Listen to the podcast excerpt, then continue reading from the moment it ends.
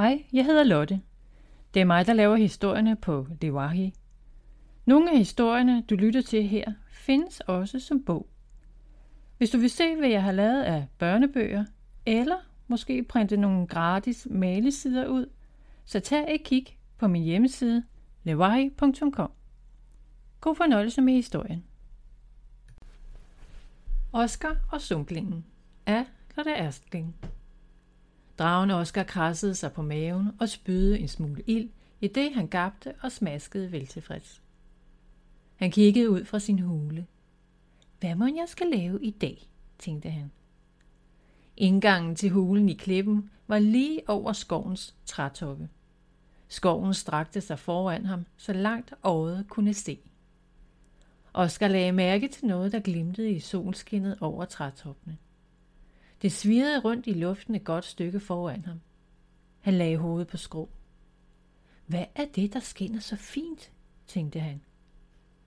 Han strakte sine vinger ud og løb ud over klippekanten.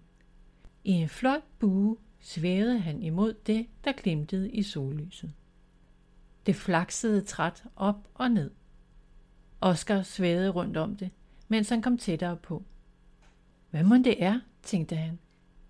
Pludselig steg det hurtigt højt opad, hvorefter det dalede bevidstløst og slapt ned mod trækronerne. Oscar skyndte sig imod det. Hvis det kom ned imellem træerne, ville han få svært ved at finde det igen.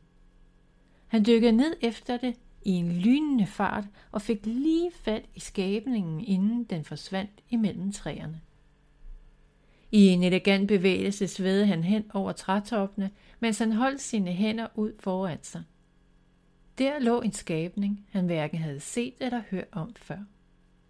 Den havde to ben, to arme og ører, der havde samme form som fine nye bøgeblade. Hovedet var rundt med små hugtænder, og dens hud skinnede et lyst, sølvfarvet skær. Hallo! Oscar prøvede at prikke forsigtigt til den. Den rørte sig ikke. Han svævede tilbage til klippeafsatsen foran sin hule og studerede skabningen. Den trak vejret, men den var helt slap. Han lagde den forsigtigt på nogle blade. Må den kunne lide frugt? Han lagde en saftig, sød appelsin ved siden af den, men der skete ikke noget. Så delte han appelsinen i to med sin negle. Han lod nogle dråber af saften drøbe ned på skabningens læber. Den slikkede dråberne i sig, men lige efter skar den en grimasse. Hm, det kan den vist ikke lide, sagde Oscar og spiste resten af appelsinen selv. Måske fryser den, tænkte han. Han gik lidt tilbage og spydede en forsigtig lille ildstråle ud imod skabningen for at varme den. Ui, sagde skabningen, da dens hud blev meget tør og stram. Den så nu endnu mere sløj ud end før. Åh nej, sagde Oscar forfærdet. Hvad har jeg dog gjort? Han skyndte sig at tage den i sine hænder og fløj hastigt mod en stor sø. Forsigtigt svævede han lige over vandkanten, hvor han åbnede hænderne en smule og lod lidt vand skylle ind over skabningen. Den forblev rolig. Det så ud, som om dens hud sugede vandet til sig. Huden så nu frisk og god ud igen.